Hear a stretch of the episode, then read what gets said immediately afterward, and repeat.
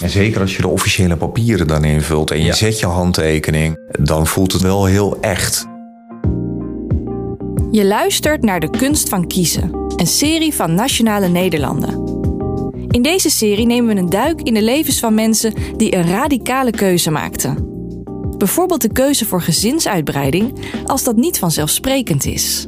Dan ben je nog zeker niet bewust van hoe lang het allemaal gaat duren. Maar wel, wow, we zijn er nu ingestapt. Ja. Kom maar op. Ik ben Lotte en ik wil weten hoe de mensen in deze serie gekozen hebben, hoe ze hun keuze volhouden en wat er op het spel stond.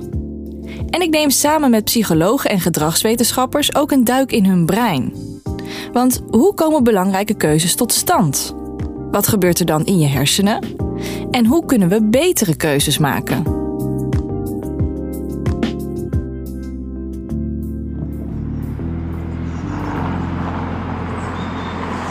In het prachtige vestingstadje Gorkum, precies langs de Lingen, staat het huis van Michel en Michiel. Hi. Hi, ik ben Lotte. Michiel.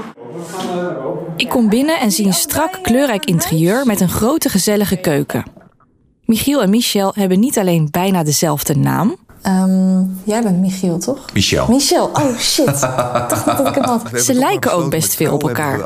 Allebei lang, met kort haar en een bril. Hallo, Hi Leo. En daar komt Leo binnen. ik ben Lotte. Ik ben Leo. Een blonde jongen van 9 jaar die best wel iets wil zeggen in de microfoon.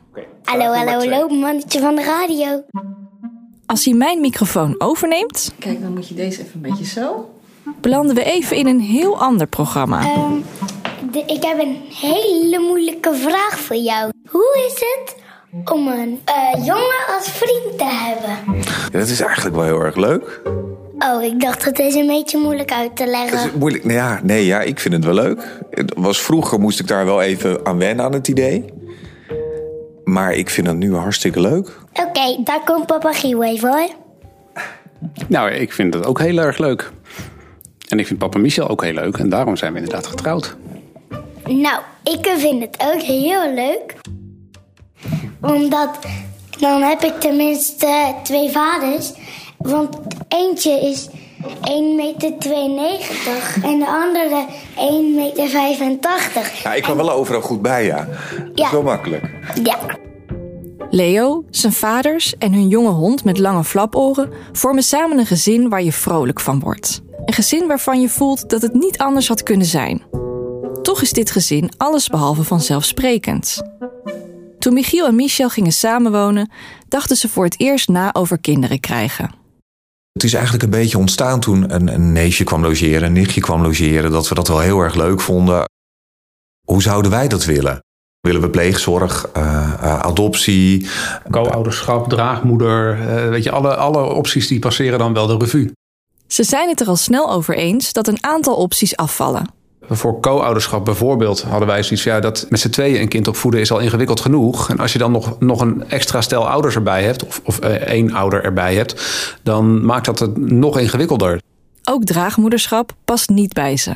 Eén van ons zou dan de biologische vader zijn. En dan moet je weer gaan kiezen van wie is dat dan? En op basis waarvan dan? Adoptie voelt het best. Ja, dat, dat voelde echt heel goed, ja.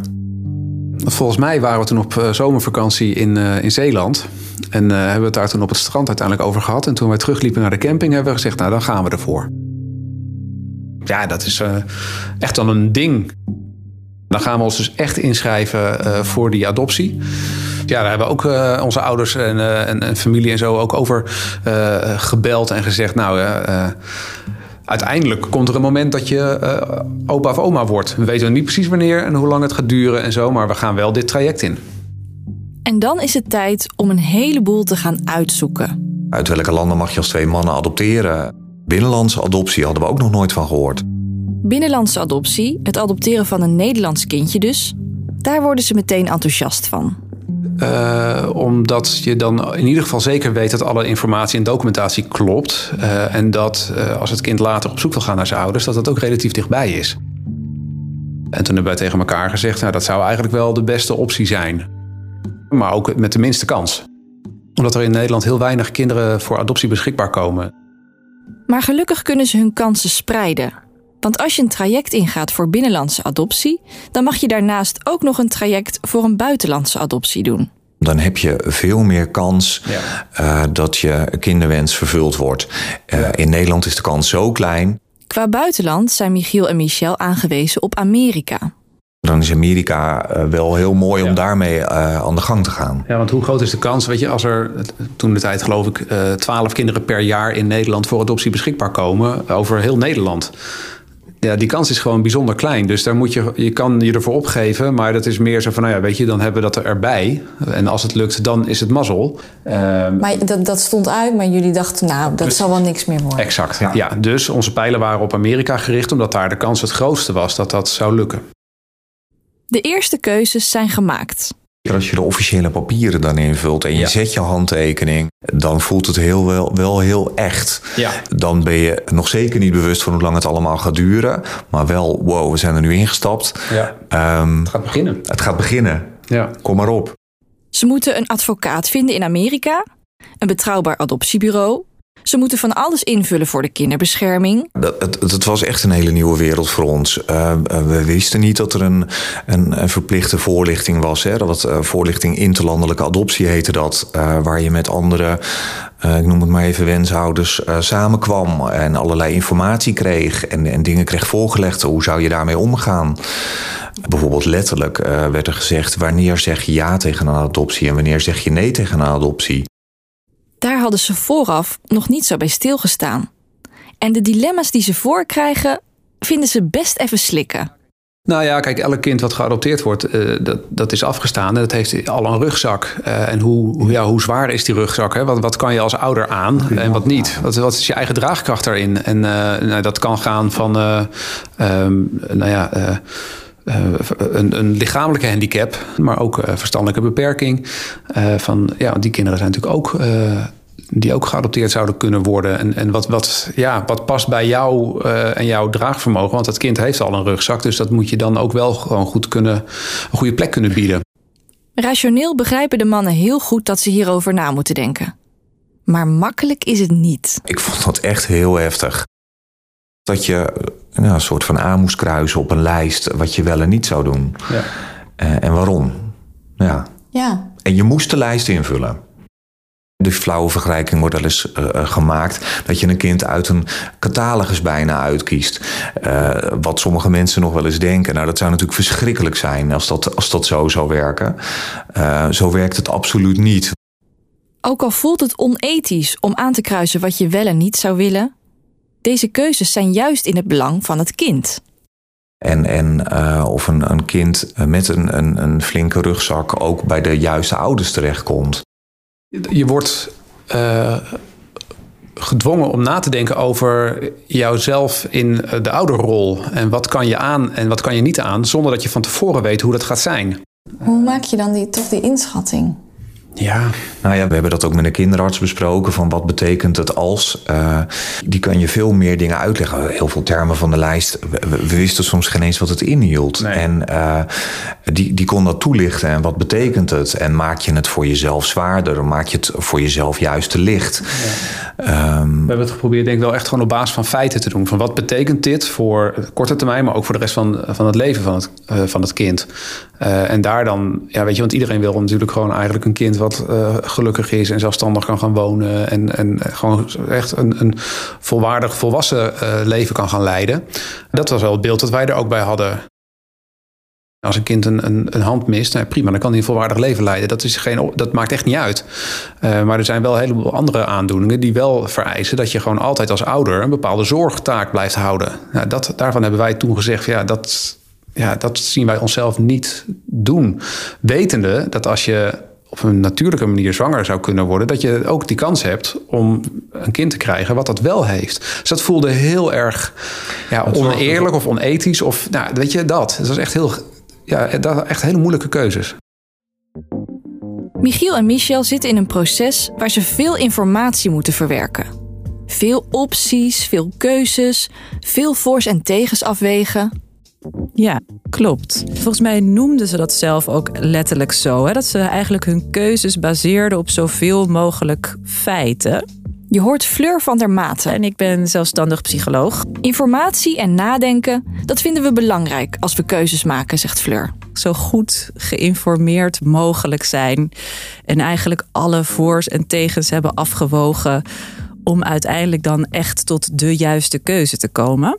En ik denk ook dat dat lange tijd zo is bekeken, wetenschappelijk. Maar tegenwoordig is er meer oog voor het affect, zegt Fleur. Het gevoel uh, wat er bij keuzes maken komt kijken.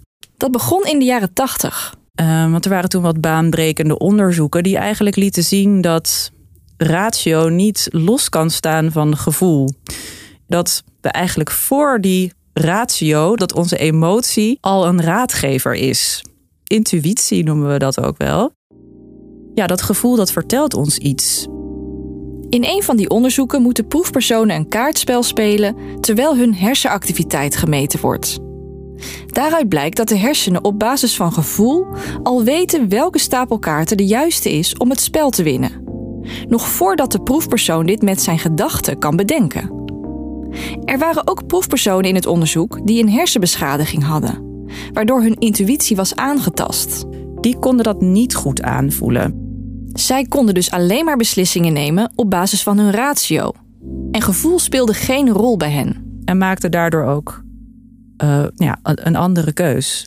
Hoe pakten die keuzes uit die zij maakten? Nou ja, die waren vaak dus niet zo voordelig.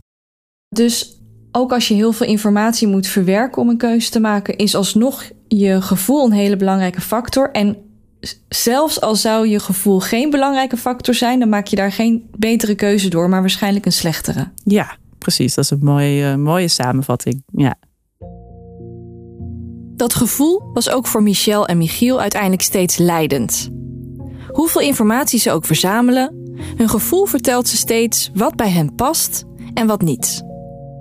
Dat blijkt wel als er iets onverwachts gebeurt. Ze zijn al een paar jaar bezig met de adoptietrajecten als Amerika het Haags adoptieverdrag ratificeert. Uh, en dat, dat is een, een, was nog een soort van formaliteit die moest gebeuren. Maar die zetten wel die hele adoptiewereld eh, vanuit Amerika op zijn kop. Het komt erop neer dat tijdens het traject van Michiel en Michel de spelregels veranderen. Maar niemand wist precies hoe. Dus we moesten een hoop dingen weer gaan, uh, opnieuw gaan uitvinden en uitzoeken. Uh, dus we hebben heel veel vragen toen ook gesteld aan het ministerie van Justitie. En daar hoorden we een hele vriendelijke medewerker daar die echt heel behulpzaam was. En die zei dan, oh dat is een goede vraag, dat ga ik uitzoeken. En dan duurt het gewoon weer een paar weken voordat je dan antwoord hebt. Het zorgde niet alleen voor vertraging, de procedure werd ook anders. Als uh, wenshouders moest je voor de webcam verschijnen met andere wenshouders. De biologische ouders die zaten dan aan de andere kant en die, die zouden dan eigenlijk uh, het oude paar kiezen waar ze het beste gevoel bij hadden. En voor de, ik noem het maar even de afstandsouders, kan ik me uh, heel erg voorstellen dat dat een goed gevoel geeft dat je weet waar je kind naartoe gaat, omdat het een super zware keuze is überhaupt om je kind af te staan. Maar wij vonden, het voelde voor ons een beetje als een spelshow. Uh, nu moeten we onszelf heel goed voor gaan doen. En, en, ja. um, en er zitten nog meer ouders die die ook allemaal uh, een kind willen. En die ook, uh, iedereen gunt het ook elkaar, maar je wil ook ja. zelf heel graag een kind. Ja. Het, het, het leverde voor ons een. Um, nou, toch, ik noem het altijd maar weer kortsluiting in het hoofd op. Het voelde zo vreemd. Maar ze waren ook al jaren bezig met het traject. Ze hadden zich erop ingesteld, heel veel tijd, moeite en geld geïnvesteerd. En het traject voor binnenlandse adoptie, dat parallel liep, dat zou waarschijnlijk niks opleveren. Ze moesten het echt hebben van Amerika.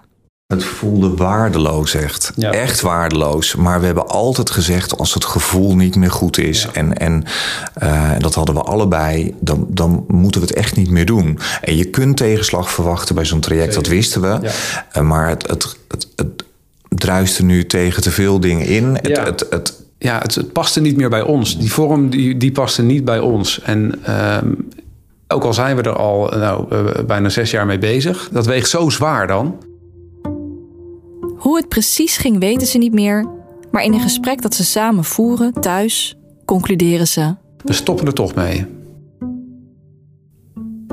Ja, ik, ik, dat moment kan ik me ja, qua gevoel wel herinneren. Als ik daar nu aan terugdenk, voelde dat wel heel zwaar. Maar ook wel als een soort opluchting ergens. Maar we echt wel... Nou, ik heb daar wel om gehuild volgens mij. Een soort miskraam, maar dat is geen terechte vergelijking. Je moet eigenlijk een verwachting loslaten. Enorm, ja. Gaat het nu nog wel lukken? Gaat die kinderwens ooit nog vervuld worden? Omdat wij alle pijlen op Amerika gericht hadden en Nederland een beetje erbij uh, was, uh, ja, was dat voor ons eigenlijk dat we gewoon het adoptietraject vaarwel gingen zeggen. Waar we wel heel veel nou ja, tijd en energie in hadden gestoken in, in, in de afgelopen zes jaar.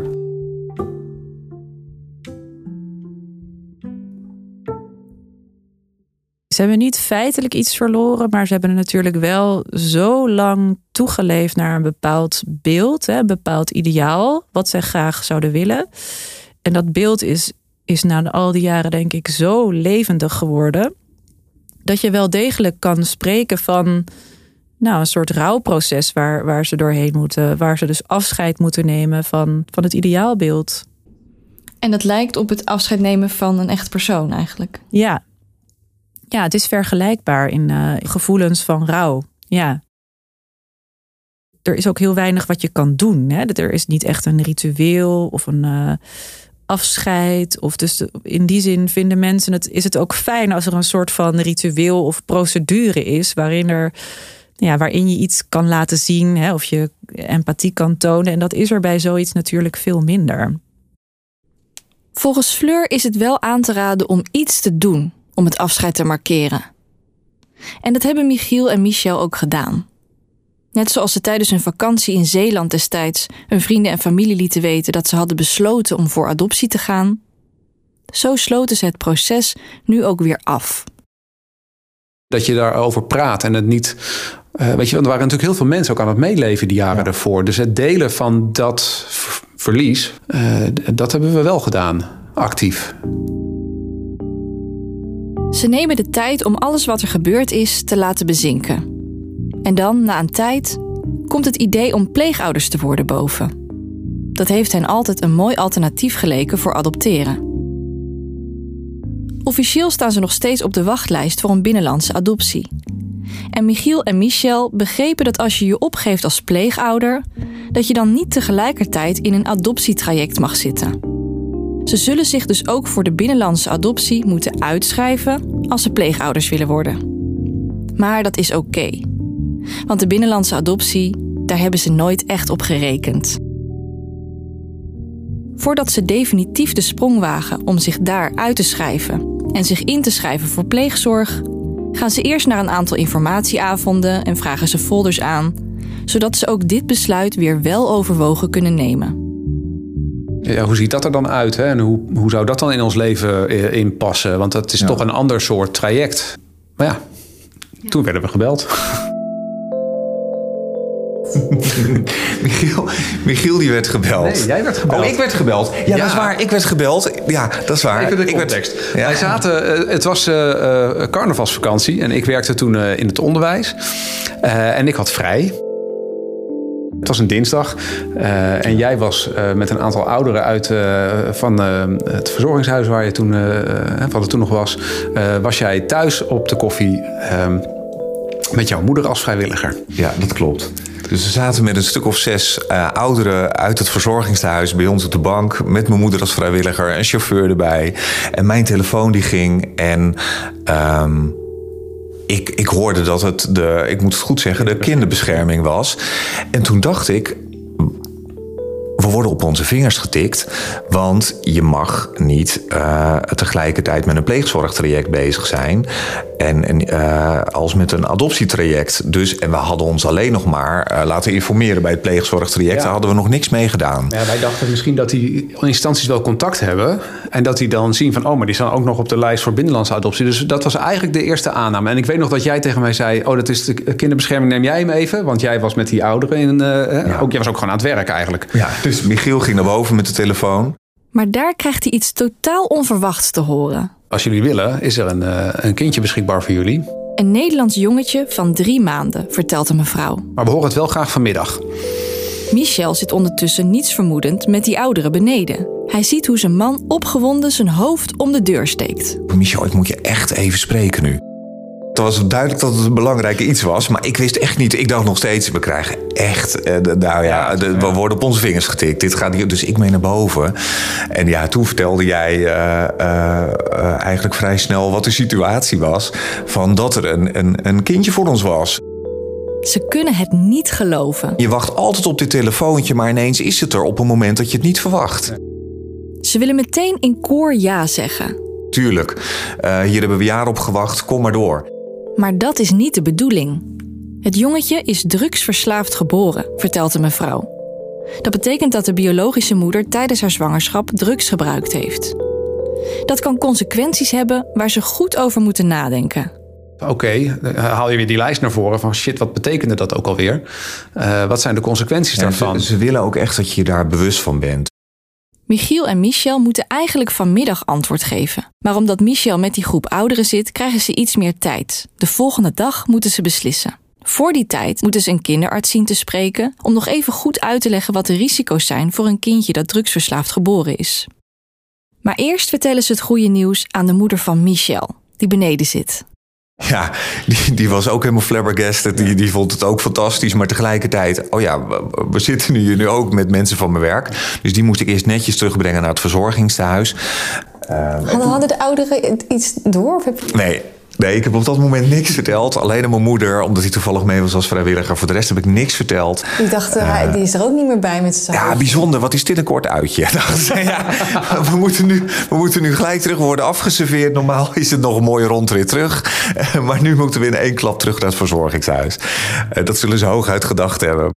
Eh, alle dames weer naar de kamer gebracht en gelijk contact opgenomen met mijn leidinggevende. En het verteld. En ja, die, die werkte ook en alles mee. Die vond het fantastisch. En ik heb gezegd dat ik gelijk weer naar huis zou gaan. En dat, omdat er een hoop geregeld moest worden. De kinderarts die ze die dag nog spreken, vertelt hen dat drugsgebruik tijdens de zwangerschap niet zo schadelijk is. In tegenstelling tot alcohol drinken geeft het alleen wat verhoogde risico's voor de baby. Bijvoorbeeld op concentratieproblemen. Dit kunnen we dragen. We, dit, eh, we kunnen eh, Leo een mooie, liefdevolle ouders aanbieden. En ehm, ja, nee, hier gaan we voor. Dus volmondig ja. Ja, echt volmondig ja. Het is officieel. Ze bellen hun vrienden en familie met het goede nieuws. Het zijn fantastische telefoontjes om, om dat, dat te melden. Want die leven ook al jaren mee. Ze wilden eigenlijk meteen ja zeggen. En eh, ze zijn natuurlijk ontzettend blij. Dus blijdschap is eigenlijk het eerste wat ze voelden. Die eerste ja is een affectieve ja. Ja, dat denk ik wel. Een emotionele ja. Dat gevoel waar Fleur over vertelde, wat zo belangrijk is bij keuzes. Ja, ze, ze laten daar hun gevoel spreken. Dat geeft al heel mooi aan eigenlijk dat ze natuurlijk ook eh, de goede keuze hebben gemaakt door ervoor te gaan. Maar ik snap wel, ehm, ja, je, het is ook niet een, eh, een, een, een brood wat je bij de bakker koopt. Hè? Dus, dus eh, ja, tuurlijk is het ook logisch dat ze daar eventjes eigenlijk weer gedwongen worden door, hè, door het hele proces waarin ze zitten om er even over na te denken. Is die tweede ja, die officiële ja die ze de volgende dag geven, is dat dan het verstandelijke deel van de keuze? Ze zeggen nu tenslotte ja, omdat ze ook de feiten goed bekeken hebben. Ze hebben natuurlijk al heel veel informatie verzameld en allerlei keuzes de hele tijd afgewogen en gemaakt. Maar al dat informeren kun je eigenlijk ook als een gevoelskwestie zien, zegt Fleur. Want we gaan ook op zoek naar dingen die, die dat gevoel bevestigen vaak. Als zo'n arts eh, dingen gaat vertellen, dan, dan zien zij daar bevestiging in, omdat zij dat heel graag willen. En als hun gevoel misschien anders was, hè, negatief in dit geval, dan hadden ze misschien dat wat de arts eh, had gezegd wel naar het negatieve getrokken. We zijn daar niet, niet helemaal eh, objectief meer, omdat we dus al een bepaald gevoel hebben. In die zin kun je feiten verzamelen dus ook zien als een mooie methode om juist te onderzoeken wat je gevoel daarover zegt. Ja, volg je gevoel. Door hun gevoel te volgen werden Michiel en Michel de vaders van Leo. Hij was drie maanden oud toen ze hem voor het eerst ontmoetten. Hij verbleef toen bij een crisispleeggezin. Dat moment, dat, dat zal ik nooit meer vergeten. We kwamen binnen, hij zat onder de poep. Hij had net zijn luier volgegooid. Ja, dat maakt allemaal helemaal niks uit natuurlijk, want je ziet je kind voor het eerst. Ja, je- en zo voelt het ook gelijk. Je ziet hem en je denkt, ja, dat is hem. Die hoort bij ons. Gewoon een ontzettend prachtig mooie baby natuurlijk. Met blauwe kijkers en blonde haartjes. En eh, die daar gewoon eh, nieuwsgierig lag te kijken. En, eh, we waren gelijk hopeloos verliefd. Hey, en volgens mij hoor ik Jet snurken. Ah joh, dat heel klein beetje. Die prachtige baby met die blauwe kijkers, die probeert nu met mijn microfoon het gesnurk van de hond vast te leggen. Nou, Jet, als je toch niet in slaap valt, dan heb ik nog een vraag aan jou. Hoe is het om bij je drie mannen te wonen? Dit lieve hondje Jet is pas zes maanden geleden bij het gezin gekomen. Ehm, volgens mij wou papa Giel eh, als eerst met mij een hond. En toen wou papa Michel het niet. Nou, wij lieten de hond ras zien die, wij graag, nou, die jij graag wilde. En daardoor ehm, hebben wij uiteindelijk de sneukende hond gekregen. Leo mocht met zijn vaders mee naar het nestje. Ze was zo klein als zo'n ontbijtkoekpak. En was ze alleen in dat nestje of met meer andere honden? Met heel veel meer. Maar moesten jullie dan kiezen? Eh, nee. Ehm, ik weet niet helemaal, want jullie, mijn vader had het geregeld. Ik ga het even vragen aan mijn assistent. Oh ja. ja, nou ja, de, de viel is meer te kiezen, want er was nog één hondje over. En dat was Jet. En het was het enige meisje uit het nestje. Ze had nog drie broertjes. En daar hadden we wel heel veel geluk mee, want Jetty was teruggegeven. Of tenminste, iemand had haar al uitgekozen. En toen vond dat meisje, die vond het niet een, mooi, een, een mooie kleur. Nou ja, dat vonden wij natuurlijk heel stom. Maar we waren ook heel blij dat, we, dat wij toen wel eh, Jet mee naar huis konden nemen. Ja, want nu is het een hele lieve hond. Had zij daar soms op jullie zitten wachten, denk je? Nou, het lijkt er wel op eigenlijk. Zij bij zichzelf dacht, volgens mij komt er straks nog een gezin met twee papa's en een jongetje die Leo heet. En dat lijkt me nou echt leuk om daar nou bij te gaan wonen. Ja, het zou zomaar kunnen. Je hoorde het verhaal van Michiel, Michel en Leo. De kunst van kiezen wordt gemaakt door mij, Lotte van Galen, voor Nationale Nederlanden. Want Nationale Nederlanden wil inspireren om de keuzes te maken die jouw dromen laten uitkomen. Wil je meer van dit soort verhalen lezen? Of wil je weten hoe Nationale Nederlanden jou kan helpen met grote keuzemomenten? Kijk dan even op nn.nl/slash de kunst van kiezen. Dit was voorlopig de laatste aflevering van deze serie. Een productie van Microphone Media en Virtue. Research en redactie door Iris Cohen en Kees Dorrestein. Muziek door Victor Butselaar en Blue Dot Sessions. Mixage door André Dortmund.